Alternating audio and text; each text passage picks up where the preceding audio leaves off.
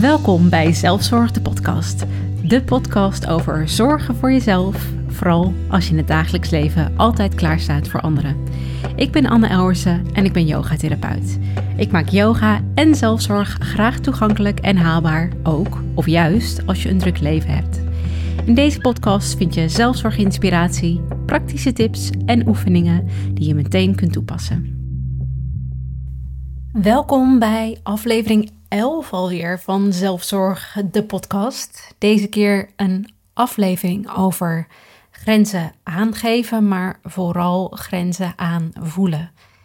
Ik denk dat grenzen aangeven een heel belangrijk uh, thema is, wat ook vaker terugkomt in coaching bijvoorbeeld. Ik um, hoor ook regelmatig mensen zeggen: ik moet gewoon leren nee zeggen.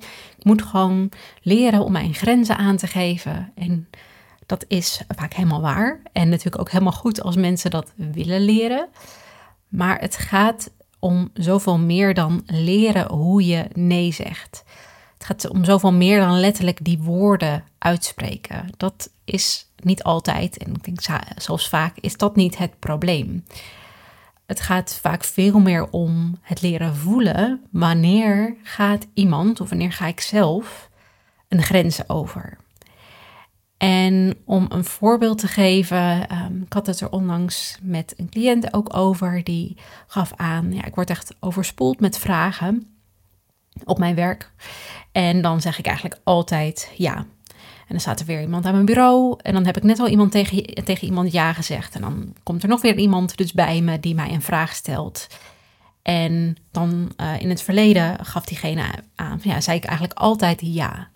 Maar doordat diegene bij yogatherapie um, veel meer heeft geleerd om naar signalen van het lijf te luisteren en vooral ook subtiele signalen van het lijf te luisteren, ging diegene herkennen uh, van hé, hey, wacht eens even, ik heb net al ja gezegd tegen iemand om iets op te pakken. Nu komt er nog een vraag. Ik voel nu in mijn lijf een reactie. Ik voel dat ik hier helemaal geen tijd voor heb, dat ik hier helemaal geen ruimte voor heb. En aan het begin voel je dat soort reacties vaak achteraf. Hè? Dat, je, um, dat je denkt van shit, nu heb ik toch ja gezegd tegen iemand. Nu ligt er toch iets op mijn bordje. Maar dat voelt eigenlijk helemaal niet goed. Ik kan dit misschien ook helemaal niet waarmaken. En ik ben van mening dat je daar ook altijd op terug mag komen. Je mag altijd tegen iemand zeggen: Ik heb net ja tegen je gezegd. Ik heb net nog even in mijn agenda gekeken en het past niet. Het gaat gewoon niet lukken. En samen met diegene wellicht naar een andere oplossing te kijken. Dus als je ja hebt gezegd, weet dat je er ook op terug mag komen. Dat je ook um, nou ja, mag aangeven aan iemand van hé, hey, ik, uh, als je daar de ruimte voor voelt natuurlijk, hè, hé, hey, ik, ik ben beter mijn grenzen aan het aanvoelen en aan het aangeven. En ik vind het heel lastig misschien om dit nu achteraf tegen je te zeggen dat ik ja heb gezegd, terwijl ik eigenlijk nee had moeten zeggen. Maar bij deze kom ik er toch graag even op terug. En hoe bewuster je, je hiervan wordt en hoe vaker je je hiermee ook gaat oefenen, hoe sneller je dat ook gaat herkennen bij jezelf. En hé, hey, wanneer ga ik nou een grens over? Dus stap 1 is echt die bewustwording, het voelen in je lijf dat je dus een grens overgaat. Dus als iemand je een vraag stelt of je een opdracht geeft eigenlijk, neem dan eens de tijd voor een diepe ademhaling. Of in ieder geval even een momentje van rust en kijk hoe je je voelt op dat moment. Soms voel je dan al wel een beetje een knoop in je maag. Of voel je dat je ja, een beetje het gevoel hebt dat je keel wat lichtjes wordt dichtgeknepen. Of dat je hartslag een stuk hoger wordt. Of dat je het er warm van krijgt. Iedereen reageert daar anders op. Maar we hebben allemaal van die subtiele signalen die ons lijf ons geeft om aan te geven: hé, hey, wacht eens even. Wat gebeurt hier? Hier gaan we een grens over. En nogmaals, hoe vaker je dat oefent, hoe vaker je even dat moment neemt om te gaan voelen: hoe reageer ik op deze vraag? Voordat je meteen met ja antwoordt. Hoe meer je dat ook gaat herkennen bij jezelf en gaat herkennen: hé, hey, wacht eens even, dit is niet oké dit red ik niet, dit kan ik niet, of deze vraag hoort niet bij mij bijvoorbeeld. En in de vorige aflevering, aflevering 10 was dat over, waar ik het ook heb over micro-zelfzorgmomenten. Daarmee bedoel ik dus kleine rustmomentjes die je neemt in je dag. Die kunnen je ook echt helpen om bij jezelf in te checken. En te voelen, hoe zit ik er nu bij? En hoe voel ik me? Hoe is mijn ademhaling bijvoorbeeld? En die momentjes kunnen je dus heel erg gaan helpen om allereerst wellicht achteraf te gaan herkennen van hé, hey, ik ben net een grens overgegaan, maar op een gegeven moment ook op het moment zelf te gaan herkennen hé, hey, ik ben een grens overgegaan. En als je die subtiele signalen van je lijf steeds beter gaat voelen, dat je steeds bewuster wordt van je lijf, dan is de volgende stap om ook natuurlijk een reactie te gaan geven. En misschien niet meer achteraf, maar ook op het moment zelf. En daarin ja, mag je jezelf ook echt de ruimte geven om te oefenen. Het is echt iets, ja, zie het als trainen, iets, iets, iets nieuws wat je jezelf moet leren. Ik herken dit zelf ook heel erg. Ik heb zelf best wel lang uh, hiermee geworsteld, ook in mijn relatie met mijn vriend. En um, dat, ik, dat ik aan het begin vaak heel erg uh, nou ja, met hem meeging. Gewoon ook in kleine dingen van, oh ja, nee hoor, het is prima als we dit of dat eten. Terwijl ik eigenlijk zelf zin had in wat anders. Overigens iets met dat soort dingen is het fijn om ook te beginnen. Um, niet meteen de, de allergrootste uh, of de lastigste grenzen, maar misschien ook te beginnen met kleine dingetjes zoals duidelijk aangeven waar je behoefte aan hebt wat betreft het eten, om maar een voorbeeld te noemen. En toen ik dat aan het begin ging doen, het aangeven bij mijn vriend, toen kwam dat er soms best wel onhandig uit. En um, soms werd ik boos of um, wist ik eigenlijk niet zo goed hoe ik het moest zeggen. Ging ik maar een discussie uitlokken. En eigenlijk wilde ik op dat moment gewoon zeggen, bijvoorbeeld, um, ik merkte dat ook op momenten dat ik eigenlijk gewoon even tijd voor mezelf nodig had. En even alleen thuis wilde zijn bijvoorbeeld, maar dat ik toch bleef. Um, en dat ik op dat soort momenten dus soms uh, bijvoorbeeld een beetje een discussie ging uitlokken. Terwijl ik eigenlijk wilde zeggen, ik wil gewoon even lekker naar huis. Of ik wil even naar boven toe gaan om gewoon even alleen te zijn. Of ik wil vandaag thuis blijven in plaats van met jou afspreken. Is dat oké?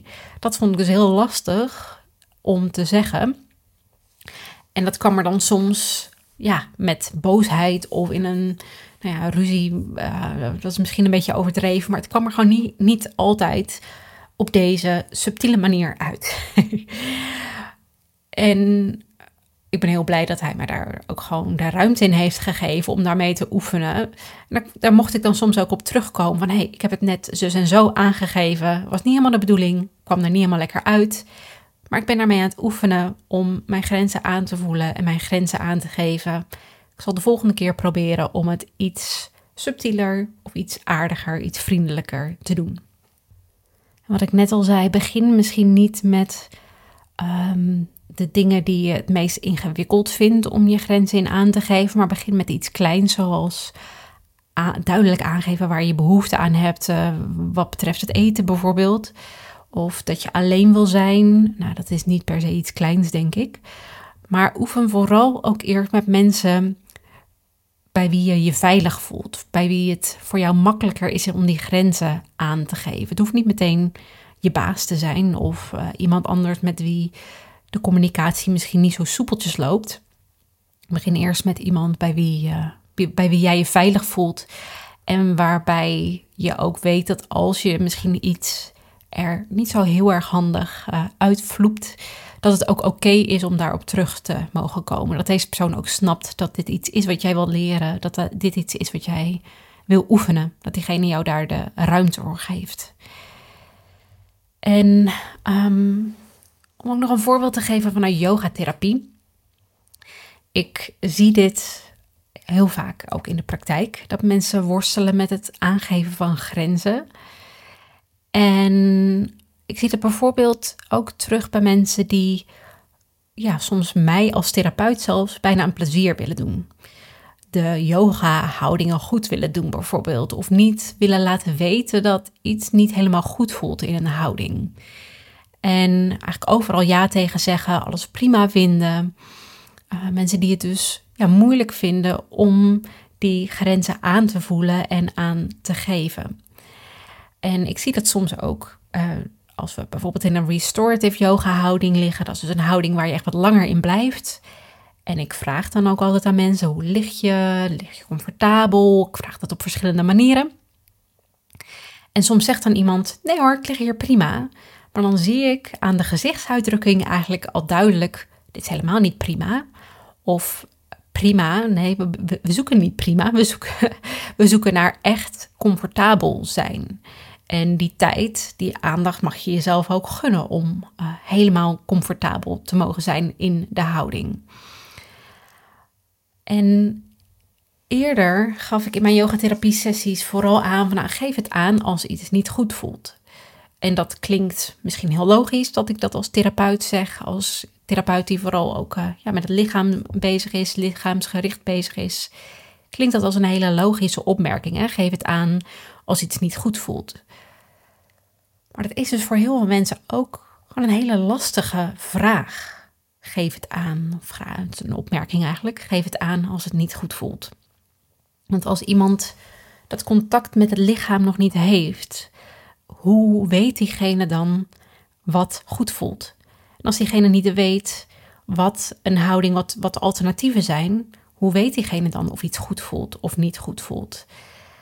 Dus nu doe ik dat veel meer met uh, oefenen met bijvoorbeeld... Oké, we gaan nu liggen in een restorative houding. Welk kussentje vind je lekkerder onder je hoofd? Dit zachte kussentje of vind je het toch lekkerder om iets hogers, iets steviger onder je hoofd te hebben? Of welke houding vind je fijner? Vind je het fijner om zo op je zij te liggen of op je rug te liggen? Om ook echt te gaan leren voelen, dit voelt comfortabeler dan dat. En um, ik denk dat dat zoveel effectiever is dan alleen aan te geven, uh, geef het aan als iets niet goed voelt. Want niet iedereen kan dat aanvoelen. En door twee opties te geven, of soms drie of nog meer opties te geven, leert ook iemand het verschil aanvoelen in zijn haar diens lijf. En ik zeg vaak ook dat wat we oefenen op de mat bij yogatherapie, dat kun je ook weer in het dagelijks leven gebruiken. Dus het is eigenlijk een soort uh, playground, speeltuin. is misschien een beetje een gek woord ervoor, maar om te oefenen met dingen die je in het echte leven, in het dagelijks leven, het werkende leven ook tegenkomt. Dus aanvoelen wanneer is iets comfortabel. Aanvoelen wanneer ga ik een grens over, ja of nee. Dus wat misschien begint met uh, het verschil voelen tussen wil je kussentje A of wil je kussentje B. Dat kan uiteindelijk ook helpen om aan te voelen: hey, die collega vraagt dit of dit aan mij, maar dit voelt niet goed voor mij. Want ik voel nu dat mijn lijf hierop reageert op een manier die niet goed voelt. Dus of ik wacht even met reageren, of als dat lukt, geef je meteen een reactie daarop. En ik vind het dan heel mooi om te zien uh, in mijn praktijk als yogatherapeut dat mensen die aan het begin heel veel moeite hebben met grenzen aangeven en die dus bij alles zeggen: Oh prima, is goed. Nee hoor, ik hoef geen dekentje. Nee hoor, ik hoef geen kussentje. Het is allemaal wel goed zo. Dat die op een gegeven moment na een paar sessies vragen: Hey Anna, mag ik eigenlijk misschien nog een uh, kussentje onder mijn hoofd? Of mag ik toch een extra dekentje over me heen? Mag misschien de verwarming aan? Dan denk ik alleen maar yes. Iemand begint te voelen wat die persoon nodig heeft. En die erkent dus dat gevoel, die erkent die behoefte ook bij zichzelf. Die herkent het en erkent het dat dat gevoel er is. En gaat dat dan ook uitspreken naar mij. Nou, dat kan ik echt alleen maar toejuichen. En ik wil dus ook heel graag met yogatherapie en ook in mijn, mijn sessies die ik online geef, zoals de zelfzorgsessies, eigenlijk een soort veilige ruimte creëren om met dit soort dingen te oefenen. En ook als het bij mij in een sessie er misschien een keertje niet zo handig uitkomt, dat je ergens, uh, uh, nou ja, dat je iets niet fijn vindt of dat iets pijn doet en je zegt dat misschien wat onhandig tegen mij, helemaal prima. Het is juist de plek om daarmee te oefenen, zodat je dat ook in het dagelijks leven toe kunt gaan passen en uh, daar ja, je voordeel van uh, gaat ervaren. Dus dit soort dingen als, ja, wil je dit of dat kussentje, dat lijkt misschien niet heel onbenulligs. Of dat lijkt misschien niet heel kleins. Maar wat kan dat wel niet betekenen als je dit in het dagelijks leven ook gaat doen? Veel meer je eigen behoeften aanvoelen. Veel meer je eigen lichaamssignalen, subtiele signalen van je lichaam herkennen. Je grenzen aanvoelen, je grenzen aangeven. Zo'n ontzettend belangrijk onderdeel van zelfzorg. Ik ga daarmee ook uh, afsluiten voor vandaag. En um, ja, als je nou wat wil vragen over dit, over grenzen aangeven, over grenzen aanvoelen. Als het iets is waar je tegenaan loopt en je, ja, je wil daarmee gaan oefenen, weet dat je altijd welkom bent bij mij. Ook voor yogatherapie, dat is dus één op één. Dat doe ik zowel in mijn praktijk in Utrecht als ook online. Wil je daar meer over weten, um, dan mag je altijd even in de show notes kijken. Daar zet ik even een linkje naar uh, mijn website met info over yogatherapie. En je mag ook altijd een gratis en helemaal vrijblijvend ook een kennismakingsgesprek online plannen.